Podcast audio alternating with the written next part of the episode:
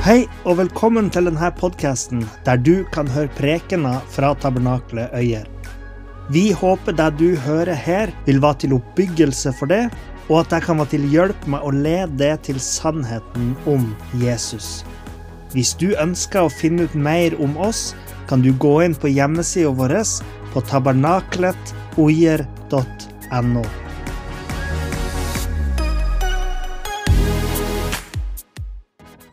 Godt nyttår.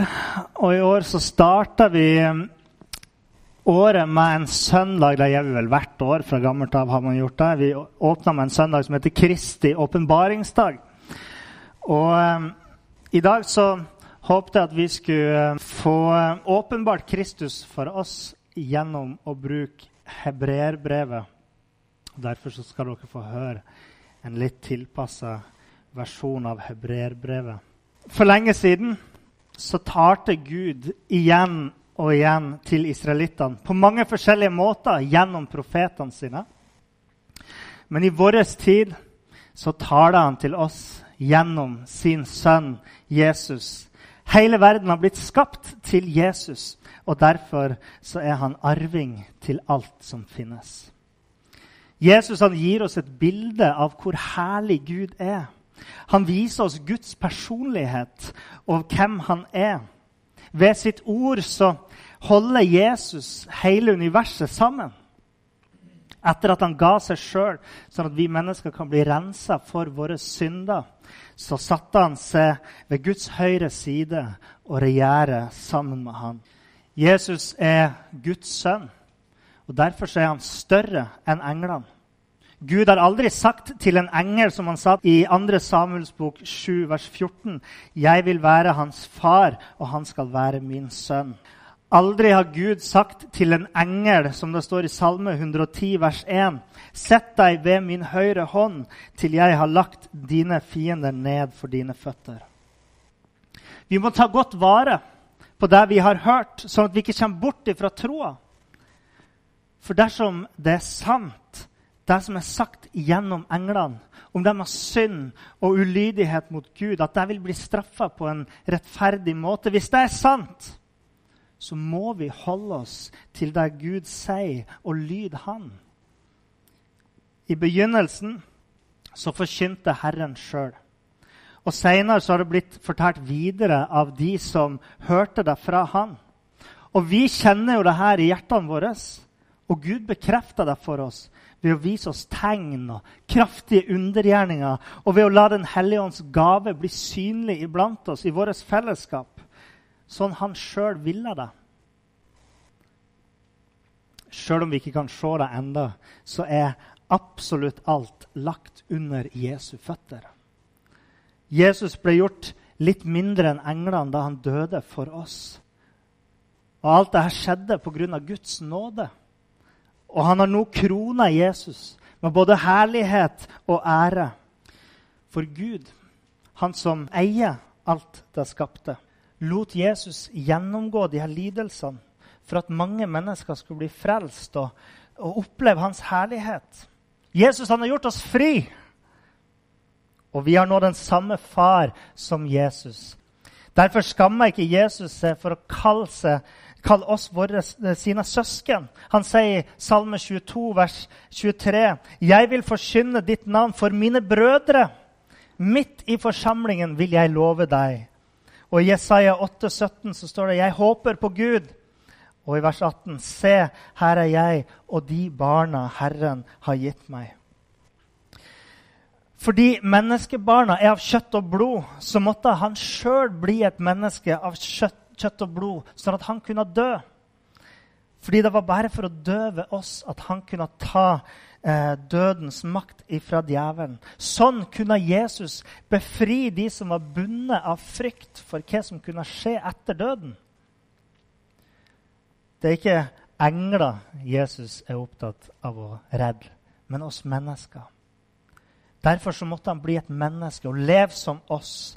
Det måtte til for at han skulle føre oss mennesker til Gud. Han har sjøl levd på jorda. Han har blitt frista akkurat som oss. Han er vår trofaste hjelper, og kommer den som blir frista, til hjelp. Han led for oss. Han betalte for alle menneskers synder. Han baner en vei for oss og hjelper oss på alle måter i vårt forhold med Gud. Derfor, kjære søsken, dere som har tatt imot himmelens kall, fokuser på Jesus.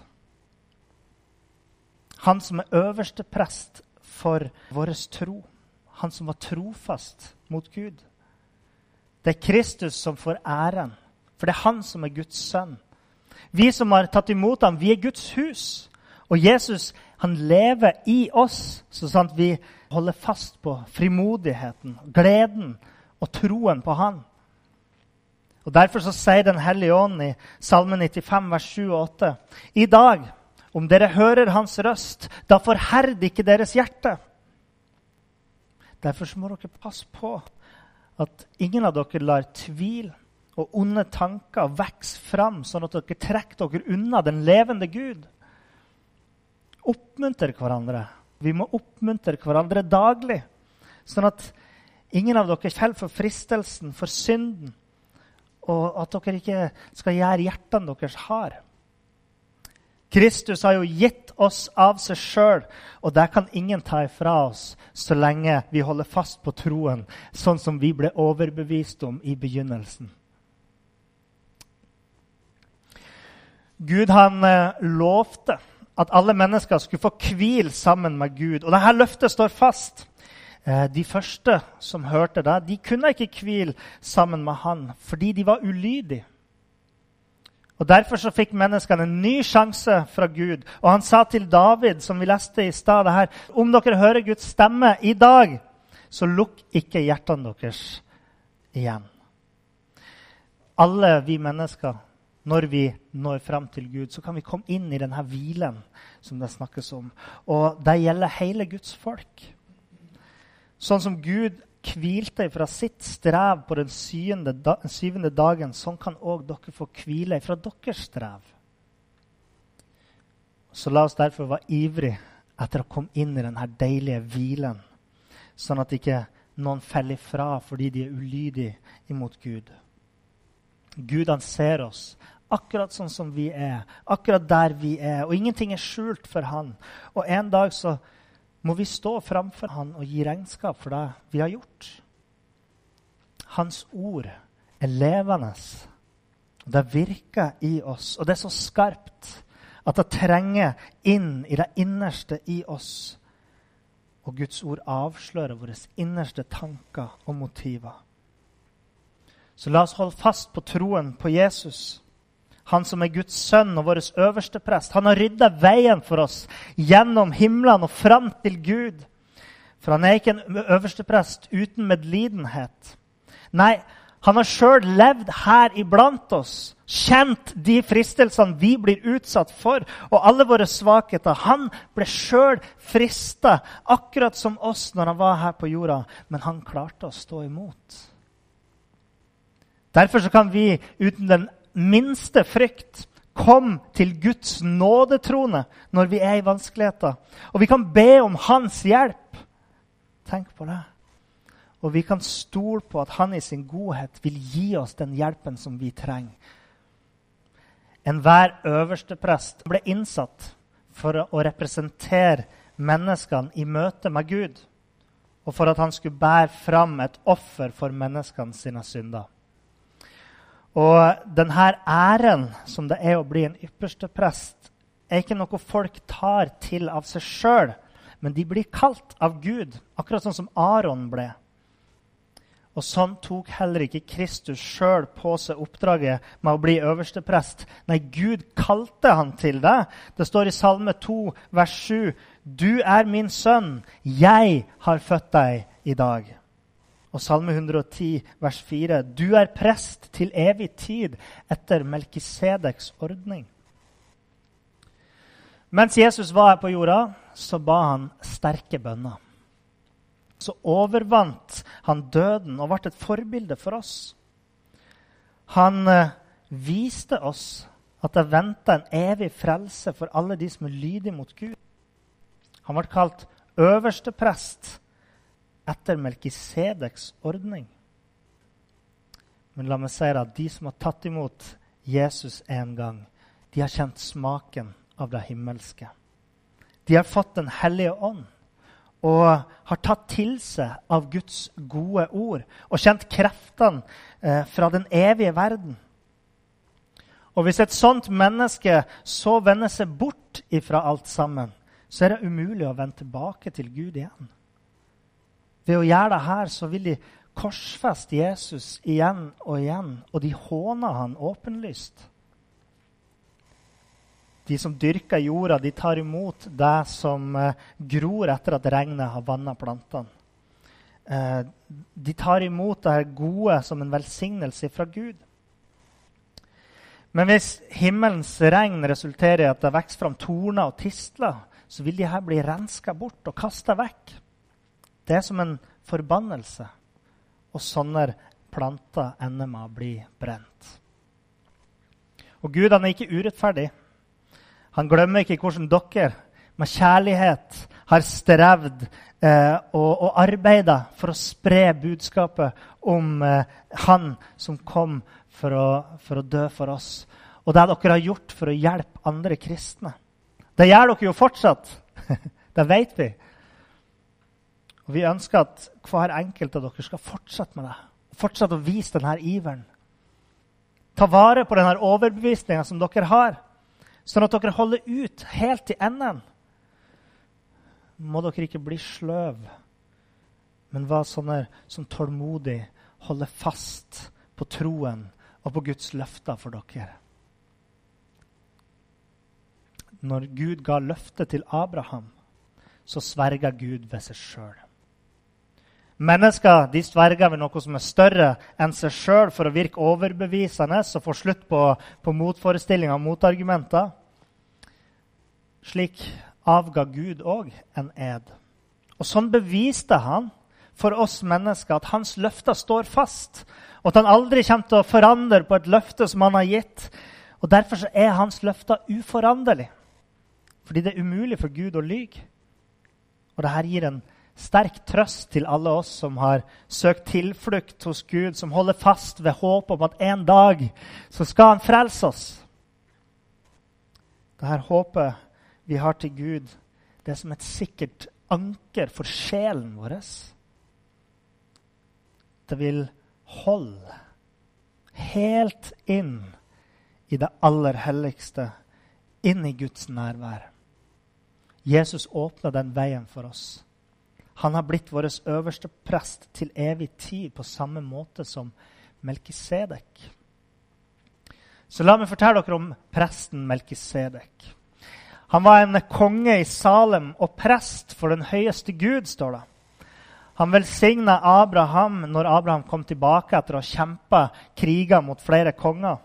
Og Abraham ga en tidel av alt han eide, til Melkisedek.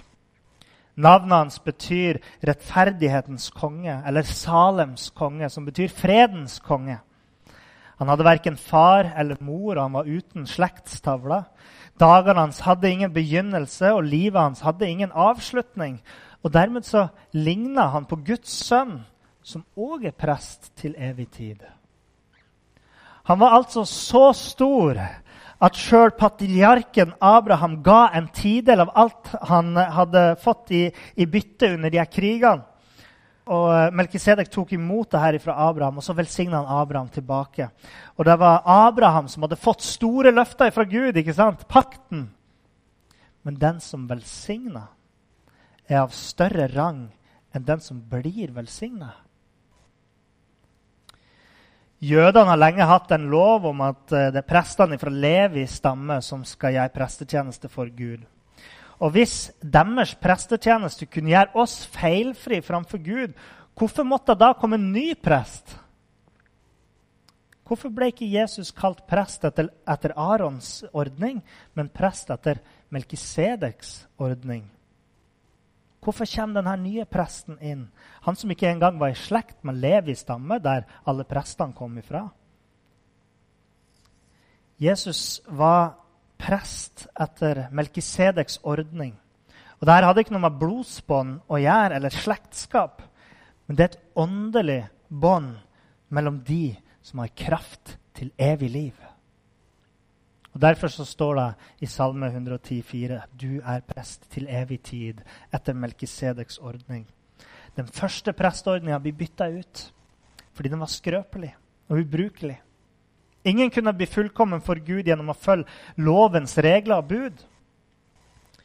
Og Derfor så kom det ei bedre presteordning gjennom Jesus. Det fyller oss med håp om å gjøre at vi kan få lov til å komme nær Gud. Det betyr at Jesus er en prest for en bedre pakt. For Jesus han blir til evig tid, og hans prestedømme er uendelig og uforanderlig. Og Derfor har han òg makt til å fullkomment frelse de som kommer til Gud gjennom han. Han lever jo for å alltid gå i forbønn for menneskene. Tenk på det. Hvilken prest vi har som baner vei for oss. Han er hellig, uskyldig, ren og borte fra synd og urenhet og opphøyd over himlene hos Gud. Han trenger ikke å bære fram daglig offer, sånn som de andre øverste prestene måtte gjøre. Han ofra ikke for sine egne synder først, og så for folket sine synder. Nei, hans offer gjaldt én gang for alle da han ofra seg sjøl for oss.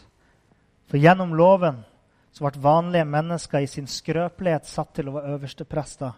Men nå har Gud innsatt sin sønn som en fullkommen øverste prest til evig tid.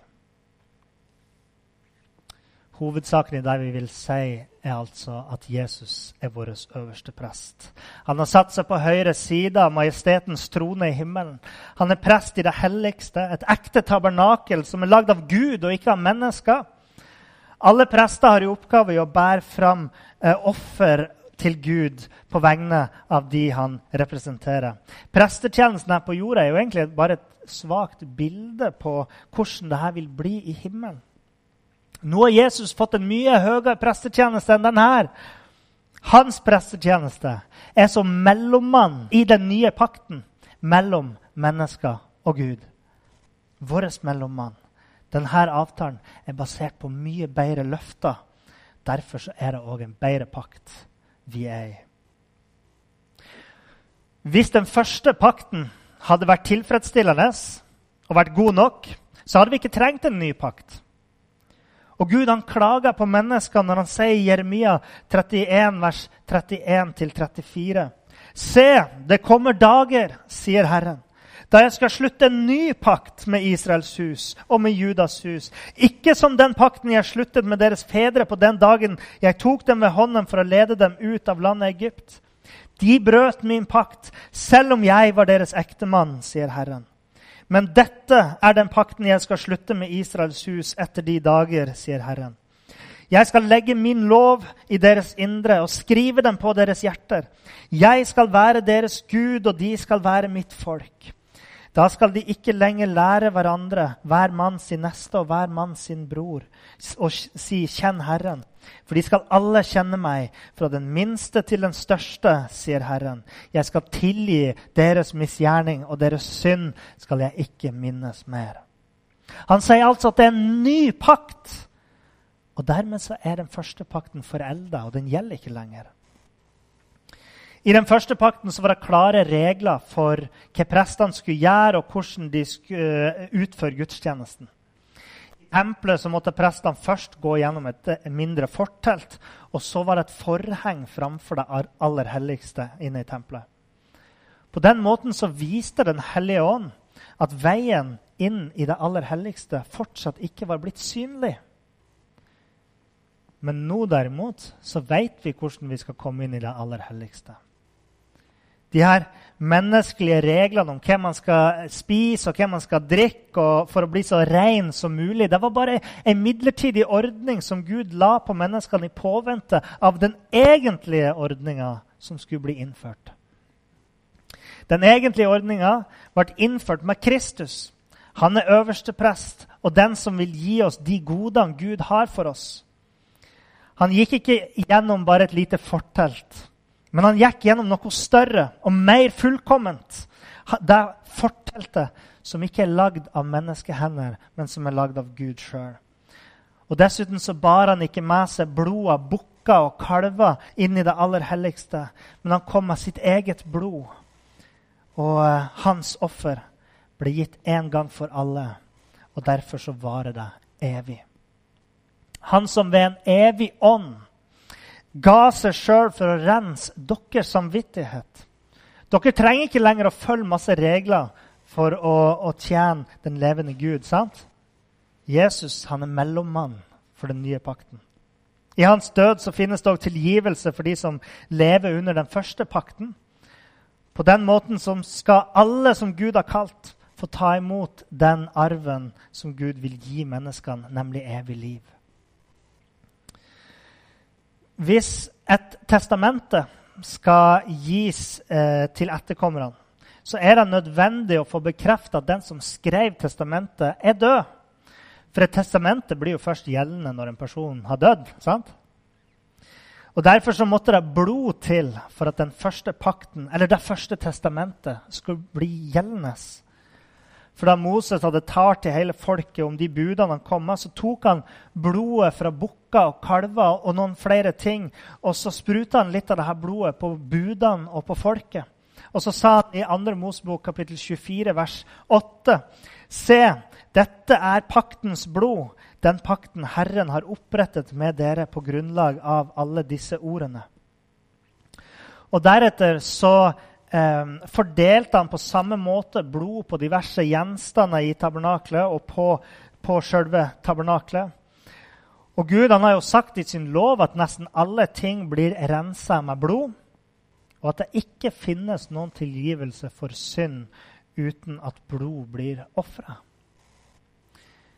Jesus gikk som sagt ikke inn i en helligdom som var lagd av menneskehender, og som bare var et bilde av himmelen. Nei, han gikk inn i sjølve himmelen.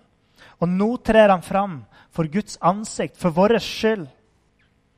Jesus han trengte ikke å ofre seg sjøl flere ganger, sånn som øverstepresten hvert år ofra dyr for folkets skyld i det aller helligste. Da måtte jo Jesus ha ofra seg sjøl mange ganger. Nei, Jesus han har tatt bort synden vår en gang for alle. Og uh, en dag så kommer dette faktum til å bli synlig for alle og enhver. Det er jo sånn at alle mennesker en gang må dø. Og da skal alle stå til rette for livet sitt. Kristus han måtte òg dø en gang når han ofra seg sjøl ved å ta på seg de mange synder. Han skal vise for de som ivrig venter på han, sånn som han viste seg første gang. Da skal han frelse dem, ikke bære deres synd. Dersom den første ordninga hadde vært god nok, så hadde de ikke trengt å ofre dyr år etter år. Men ingen kunne bli fullkommen ved denne ofringa. Tvert imot så var de her årlige ofringene bare en årlig påminnelse om at de sleit med synd. For det er ikke mulig at blodet fra okser og bukker kan ta bort menneskene sine synder. Derfor så sa han da han kom inn i verden, i Salme 40, vers 7-9.: Offer og, og gave hadde du ikke velbehag i, men en kropp har du forberedt for meg. Brennoffer og syndoffer har du ikke bedt om. Da sa jeg, 'Se, jeg kommer'. I bokrullen er det skrevet om meg for å gjøre din vilje, Gud. Her sier han at den første ordninga med ofring av dyr ikke var god nok, men at han sjøl kom som den nye og eneste ordninga som egentlig kunne føre menneskene skyldfri framfor Gud. Han ga seg sjøl som et offer etter Guds vilje denne ordninga er det eneste som gjelder for at mennesker skal bli frelst. Med dette ene offeret så har han for all evighet gjort de som tar imot Jesus, fullkommen for Gud. Der det er tilgivelse for synder, der trengs det ikke noe offer av dyr lenger. Og Derfor så har vi frimodighet når vi kommer eh, inn i Guds helligdom. På grunn av Jesu blod, folkens, kan vi gå inn gjennom forhenget til det aller helligste og komme til Gud. Fordi Jesus er vår øverste press, press, så kan vi gå så nærme Gud, eh, fylt av tro på at han vil ta imot oss. Ved sitt blod så har Jesus rensa hjertet vårt og gitt oss en ny samvittighet som gjør oss rein for Gud. Så la oss uten å tvil bekjenne vårt håp og holde fast ved det. For Han som har gitt oss løftet, han er trofast. La oss hjelpe hverandre og, oppmuntre hverandre til kjærlighet og gode handlinger. La oss ikke svikte vår menighet sånn som noen pleier å gjøre. La oss heller gi hverandre rette råd ettersom dere ser at tida går, og at dagen for Jesu tilbakekomst nærmer seg. Dersom vi synder med vilje etter at vi har forstått hva som er rett, da er det ikke noe offer som kan rense for synden. Da venter bare en viss skremmende dom og et brennende alvor. For vi kjenner Gud. Han som sa i 5. Mosebok 32, 35 Meg hører hevnen og gjengjeldelsen til. Det må være forferdelig å få den levende Gud imot seg. Så dere må fortsette å be med stor frimodighet. For frimodige bønner de lønner seg. Dere trenger utholdenhet, sånn at dere etter at dere har gjort Guds vilje, holder ut helt til slutt og får del i de løftene som vi har fra Gud. Vi tilhører ikke de som drar seg unna og dermed går fortapt. Vi tilhører de som tror og blir frelst. Så hva er da tro? Tro er full tillit til det en håper på, og overbevisning om noe en ikke kan se med sine fysiske øyne. De første troende fikk jo god anseelse pga. sin tro. Ved tro så forstår vi at verden ble skapt ved de ordene som Gud sa, og at alt det som har blitt skapt, har blitt til ved noe som er usynlig. Alle de troende i gammeltestamentlig tid de, de døde i troen uten å få se Guds løfter oppfylt. Men lenge før det skjedde, så ante de at det fantes et annet rike. Himmelens rike. De stolte på Gud, og de så fram til at dette riket skulle bli synlig for dem. De lengta etter et bedre land, det landet som finnes i himmelen. Og Derfor så skammer ikke Gud seg over å kalle seg deres Gud, fordi han har gjort i stand en by for dem. Pga. sin tro så viste Abraham seg villig til å ofre sin sønn Isak når han ble satt på prøve. Han visste jo at Gud hadde sagt at hans slekt skulle komme fra Isak. Og Derfor så regna han med at Gud i så fall ville bringe Isak tilbake fra de døde. Og Derfor så fikk han sønnen sin tilbake. I dette så ligger det et forbilde på Jesu døde oppstandelse. Men pga. sin tro så velsigna Isak sine sauer, Jakob og Esau. Pga. sin tro så velsigna Jakob de to eh, sønnene til Josef. Ved tro så snakka Josef om hvordan Gud ville føre Israels folk ut av Egypt. Pga. sin tro så nekta Moses, når han hadde blitt stor, å kalles faraos datter. Han eh, valgte heller å være en del av Guds folk med alle de lidelsene som det medførte, eh, i stedet for å ha en kortvarig nytelse av synd og luksus. Det å lide for sin tro var for Moses større enn alle rikdommene og skattene i Egypt. Han så nemlig fram til det løftet han hadde fått fra Gud. Pga. deres tro til Gud så falt Jerikos murer ned etter de hadde gått rundt byen i sju dager. Og Sånn kunne jeg fortsatt å fortelle om mennesker som pga. sin tro handla rett det var pga. sin tro at de overvant kongeriket, fikk uvanlig rettferdighetssans, så at Guds løfter gikk i oppfyllelse, lukka gapet på farlige løver og slukka kraftige flammer og unnslapp skarpe sverd, fikk nye krefter når de var sliten, ble modige i kamp og jaga fremmede hærer på flukt. Kvinner fikk sine kjære tilbake ved oppstandelse. Andre ble torturert, og de ønska ikke å slippe unna fordi de ville heller komme hjem til Gud. Noen ble forfulgt, andre ble håna og piska og til og med satt i fengsel.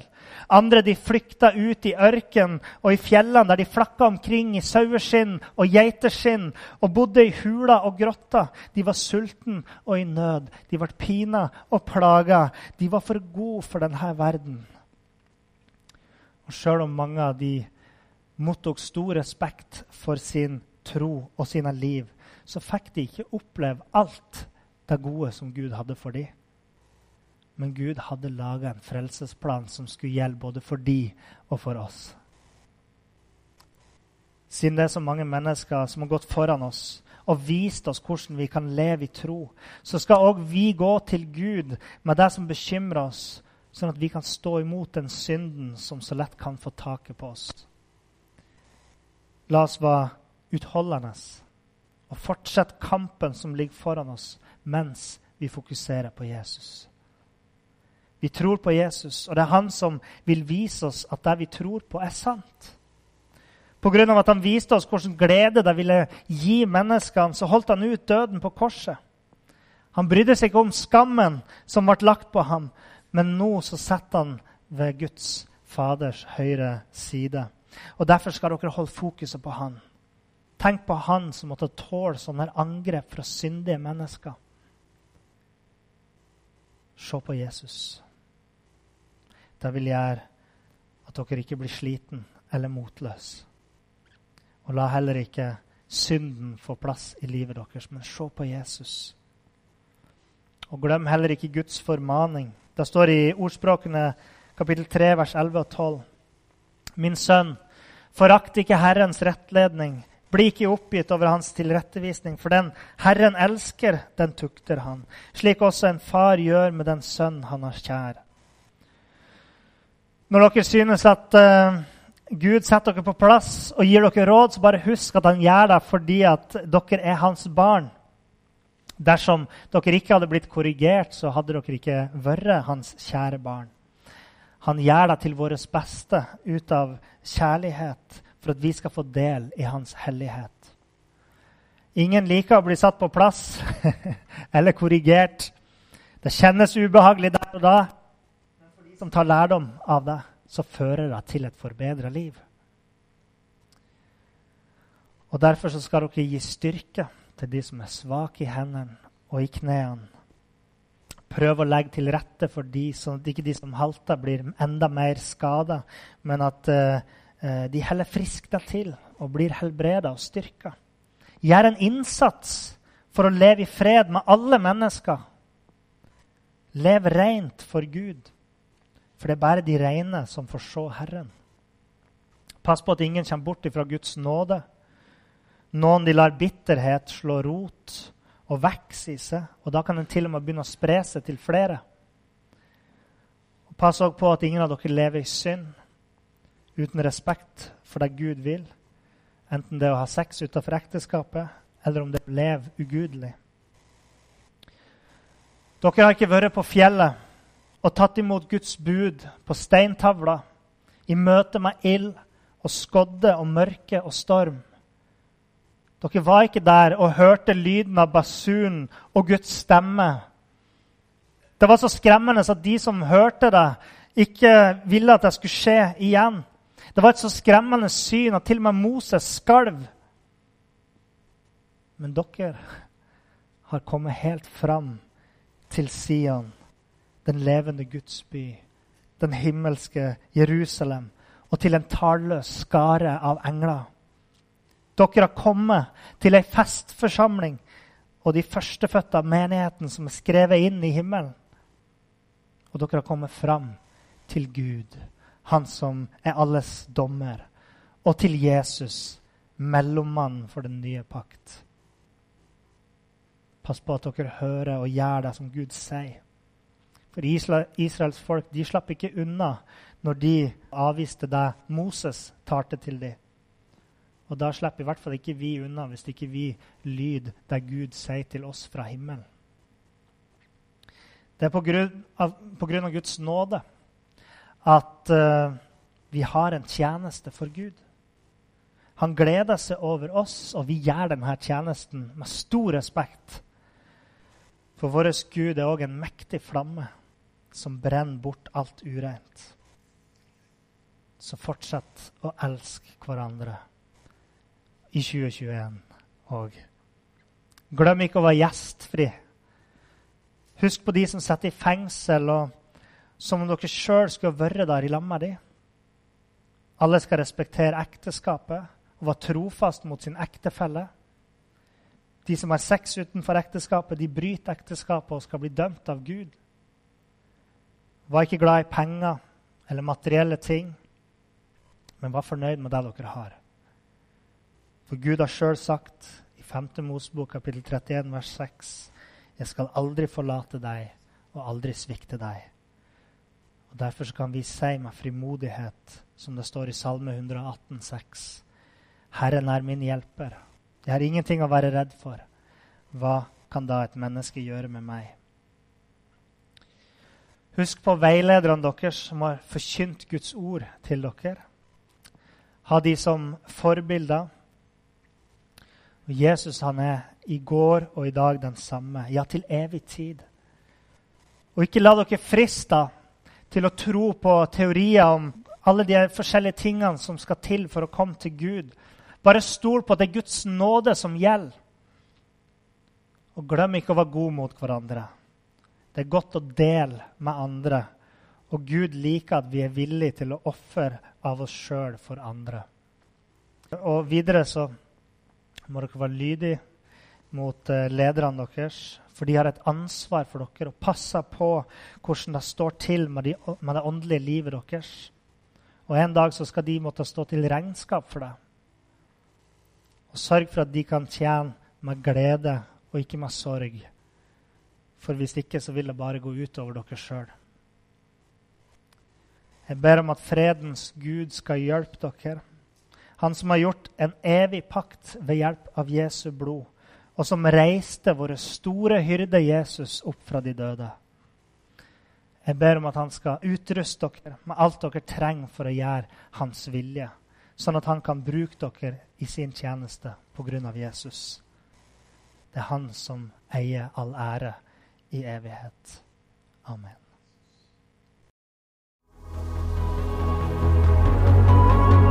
Takk for at du hørte på. Hvis du tok et steg i tro i dag, eller du har noe du ønsker forbønn for, så vil vi gjerne høre ifra det via e-postadressen kontakt alfakrølltabernakletOier.no. Du er òg velkommen til våre ukentlige gudstjenester i menighetslokalet i Haugskutua 5 26 36 Øyer.